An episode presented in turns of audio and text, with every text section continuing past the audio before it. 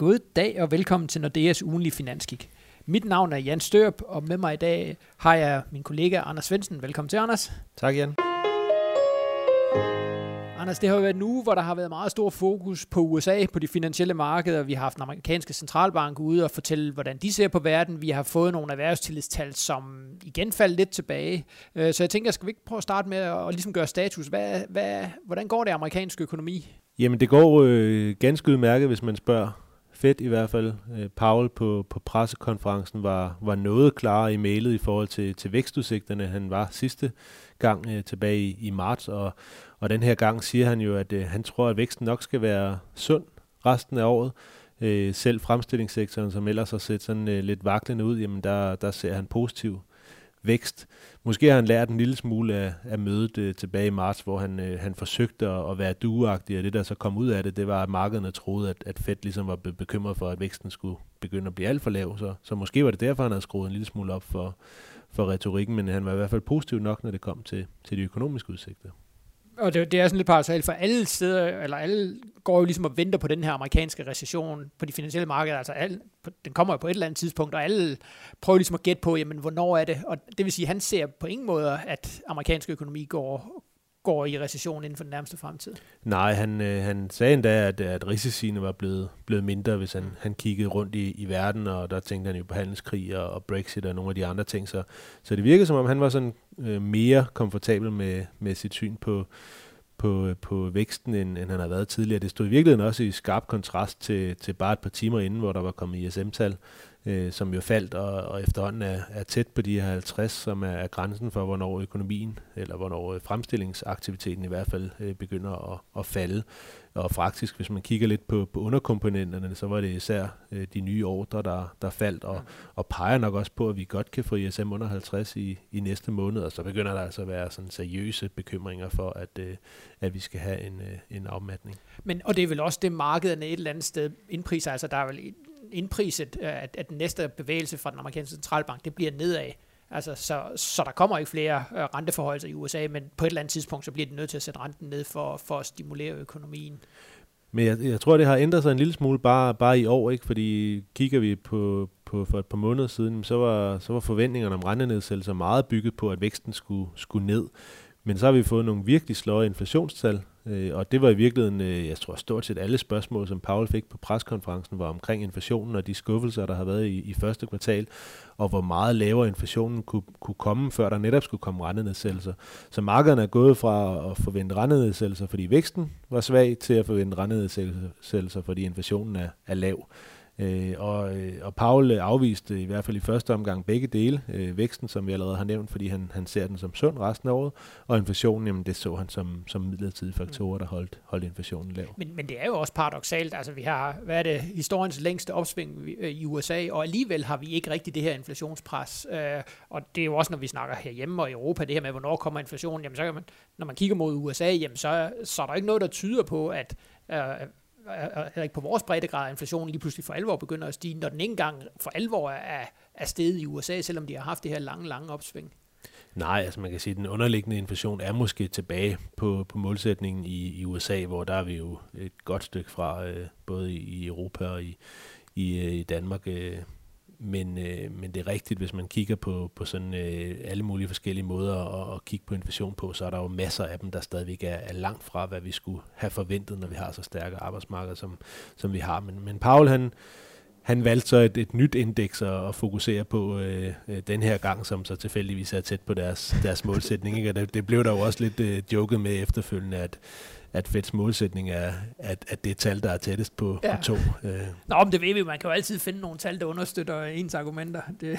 Præcis, men, men det understreger bare, at, at der skal mere til i hvert fald, før Fed er, er klar til at sætte, mm. sætte renten ned. Og det er klart, kommer der en afmatning, så skal de da selvfølgelig overveje det. Øh, og hvis inflationen så samtidig begynder at stige, fordi der så rent faktisk kommer øh, noget lønpres, der også fører til, til prispres, jamen så får vi selvfølgelig en rigtig, rigtig svær situation for, for Fedt. Men, mm. men lad os nu se, om, om det går så galt. Så hvis du nu skal sætte hånden på kogepladen, og jeg ved, det, det er et svært spørgsmål, men tror du, at amerikansk økonomi kan fastholde det her opsving frem til, til Trump, han skal genvælges? Altså kan han holde økonomi, eller kan amerikanerne holde gang i økonomien frem til det midt 2020, hvor den amerikanske valgkamp sådan for alvor øh, går i gang? Altså, vi har ikke, øh, vi har ikke en egentlig recession, øh, så hvis det er det, der, der sådan skal til for, at, at man officielt siger, at opsvinget er stoppet, så har vi det ikke i vores, vores forecast øh, endnu. Men, men jeg synes, at risikoen er, er pæn. Øh, der er jo flere ting. Den, den ene er selvfølgelig de renteforholdelser, som, som Fed lavede sidste år. Det andet er den øh, ende på, øh, eller den øh, normalisering af, af balancen, som, øh, som skal ende her senere på, på året, men, men som alligevel har taget ret meget overskudslikviditet ud af, af det amerikanske øh, finansielle system. Og den tredje ting, som måske er det, der kommer til at blive, blive mest afgørende, det er jo så finanspolitikken, fordi ja. nu har Trump jo så givet massive skattelettelser og lavet øh, skatteomlægninger her, i, der, har, der har løftet væksten i 18 og 19, og det forsvinder i 20, hvor det er, er valgår. Og hvis det får lov til at forsvinde helt, jamen, så vil det tage måske et halvt procent point ud af den amerikanske vækst, og det, det er ret meget.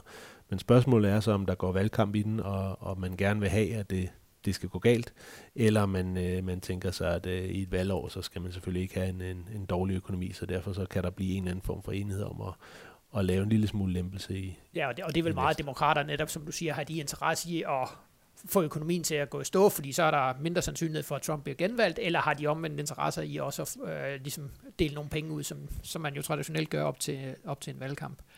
Men hvis, øh, hvis vi så vender med blikket mod, øh, mod Europa, så, øh, så er der også store spørgsmålstegn omkring den økonomiske vækst øh, på vores breddegrader. Øh, vi har ændret synen her for nylig på den europæiske centralbank, tror du ikke længere, at de skal, skal sætte renten op. Men er der begyndt også at, at komme lidt mere optimisme omkring væksten i Europa, eller hvordan ser du det? Nej, altså ikke hvis, øh, hvis vi kigger på fremstillingssektoren og, og specielt på Tyskland, så, så ser det stadigvæk relativt sløjt ud. Og det er jo et globalt fænomen i virkeligheden. Vi snakker allerede om, om den amerikanske fremstillingssektor med det her ISM-tal. Øh, det er det samme øh, i, i Europa, og det er selvfølgelig Tyskland, der er klart den største fremstilling, eller fremstillingsnation øh, her, og derfor er de klart mest ramt. Men vi ser også det samme i, i Kina, så det er som om det er sådan globalt, at fremstillingssektoren har det, har det svært, og der, der er selvfølgelig nogle, nogle sådan spæde tegn rundt omkring øh, på, at, at det måske vender, men det bliver for væsentligt lavere niveauer, end, end vi ville have sagt bare for, for nogle måneder siden. Og, og det, det, vil også, nej, det vil bare sige, det vil også det, der har fået den europæiske centralbank til ligesom at ændre retorik. Ja, det, og så er det inflationen stadigvæk ikke kommet op. Jamen, nu kom den så faktisk op, øh, lige som vi sidder her og taler, så fik vi kerneinflationen ud på 1,2 i, i øvrigt, og det er relativt højt. Mm. Desværre er det så ren øh, påskeeffekt, og det, det forsvinder igen næste måned. Ja. Øhm, det er bare fordi, at, øh, at rejsepriserne de bliver sat op øh, forud for, for påsken, og, og påsken var i april i år, og i marts sidste år, så der får man så, sådan så et... de får lidt, de får lidt hjælp. Ja, præcis, men øh, de skal være hurtige, hvis de skal nå at sætte renten op, inden inflationen falder tilbage igen. Ja, og om ikke andet så også på headline-inflation, eller den samlede inflation, der kommer vel også noget hjælp fra, fra den stigning, vi har haft i oliepriserne. Altså det kommer vel til og, og i hvert fald på papiret se lidt pænere ud for, for den europæiske centralbank her. Jeg tror faktisk, det er rigtig, rigtig vigtigt. Øh, noget af det, som altså, vi fik en headline-inflation op på, eller den samlede inflation op på 1,7 her i, i april, og det er jo selvfølgelig væsentligt tættere på, på 2, øh, og hvis vi endda siger, at ECB's målsætning ikke er 2, men, men tæt på, men lige under 2, så er, det jo, så er det jo ret tæt på målsætningen. Men noget af det, som jeg også tror er grunden til, at ECB har ændret øh, deres retorik, er fordi, at inflationsforventningerne begynder at falde. Altså der er simpelthen begyndt at være en tvivl, om ECB nogensinde lykkes med at få inflationen tilbage på 2%. Og det er klart, hvis, hvis vi får, øh, får, får inflationen tilbage øh, på to øh, noget tid, jamen så vil det selvfølgelig øh, ændre lidt på inflationsforventningerne også, og så kan det være ligegyldigt, om det er på grund af oliepriserne, eller hvad, hvad pokker det er.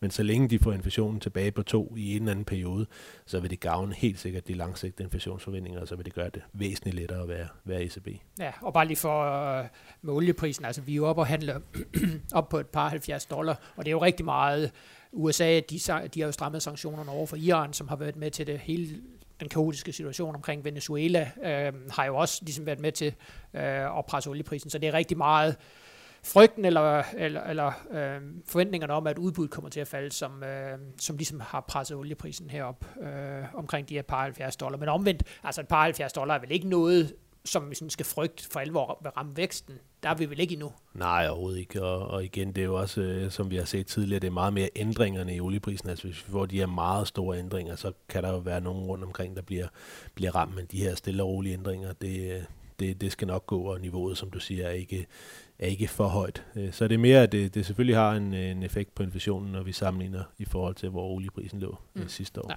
på samme tid og vi så må acceptere, at vi kommer til at betale lidt mere, når vi øh, er nede og tank, på, øh, tank bilen op. Ja. Men hvis vi skal så vende blikket mod næste uge, jamen, så bliver der jo endnu mere fokus på inflation. Vi får inflationstal øh, fra USA på fredag. Øh, hvad tror du, skal vi forvente os, at den også kommer til at stige der? Ja, en lille bitte smule. Okay. Vi, vi ser kerneinflationen op på 2,1 i, i, i næste måned. Det bliver jo øh, meget mere interessant nu at se på inflationstallene igen, fordi Paul netop øh, var så fast i spyttet i forhold til, at de nok skal komme op, og det var midlertidige mm. faktorer. Så nu, nu vil alle jo sidde og, og, og, og kigge på, om de så rent faktisk kommer op, og han nævnte jo også øh, to-tre øh, specifikke undergrupper, som han mente var, var, var dem, der skulle stige igen, så, så alle vil jo sidde og holde øje ja. med, med, med det, og så selvfølgelig også det her øh, indeks, som er sådan et, der hedder Dallas Fed Trend Mean, som han specifikt pegede på og sagde, at det var stadigvæk på target, jamen så vil der også blive holdt øje med, ja med det, øh, for at, at se, om det bliver ved med Man, man, man kunne måske også forestille sig, uden at, at starte sådan de helt store konspirationsteorier, at han har et relativt godt fundament, når han udtaler sig om de her ting. Altså, de har vel øh, nogle af verdens bedste økonomer siden, øh, så, så må det ikke, at han, i hvert fald når, når han så, så kort tid inden nogle tal bliver offentliggjort, alligevel har en meget god, meget god idé om det. Jo, forhåbentlig. øhm, en anden centralbank, der kommer i fokus i næste uge, det er Norges Bank. Øh, de mødes på torsdag, og Norges Bank er jo sådan lidt speciel, fordi nu har vi snakket om, at den europæiske centralbank er, ikke skal sætte renten op i lang, lang tid. Den amerikanske centralbank er også gået på hold, men i Norges Bank, der virker det som om, at der, der er man klar på, på yderligere renteforhold. Øh, de mødes som sagt øh, på torsdag. Der er ikke nogen, der rigtig tror, at de kommer til at sætte renten op der, men, men der er jo indpriset omkring 50% sandsynlighed for, øh, for et hike allerede, allerede i næste måned. Øhm, så det er jo lidt specielt det her med Norge, at, at de stort set som den eneste centralbank i verden faktisk sætter renten yderligere op. Ja, det er, det er utroligt, og, og det, jeg tror også, det er fordi, at nu begynder alle de andre centralbanker at være, altså det kan godt være, at de ikke er kommet så, så hurtigt i gang, men, men de er trods alt øh, kommet lidt i den retning, øh, at, at, at Norges Bank kan, kan gøre det, for de havde det nu gjort det for, for fem år siden, så havde vi fået en norsk krone, der bare var styrket helt vanvittigt, mm. og så havde de været ude og skulle rygkråle allerede på, på mødet efter. Ja. Så, så jeg tror, øh, som jeg også tror, vi har snakket om øh, tidligere, det her med, når, når alle centralbankerne ligesom bevæger sig i samme retning, så er det en lille smule lettere for, for de små økonomier, øh, frem for hvis nu ECB var, var gået i gang med at, at lempe igen, så, så tror jeg altså, det ville være svært for Norges Bank at fortsætte med Ja, fordi at, det er meget renteforskellen, der også er, har betydning for, for dem. Øh, og så kommer der jo ellers fokus på, på den politiske front, øh, også i næste uge. Theresa May, det er nok sidste uge, hvis hun skal undgå, at, at Storbritannien de skal stemme til EU-parlamentsvalget. Øh, så vi må jo se, om hun får, får lavet en aftale. Jeg ved ikke, om du vil vurdere sandsynligheden for det. Øh, det, hvis jeg skulle vurdere sandsynligheden for noget som helst, der omhandler Brexit, så vil jeg kaste en mønt, tror ja. jeg.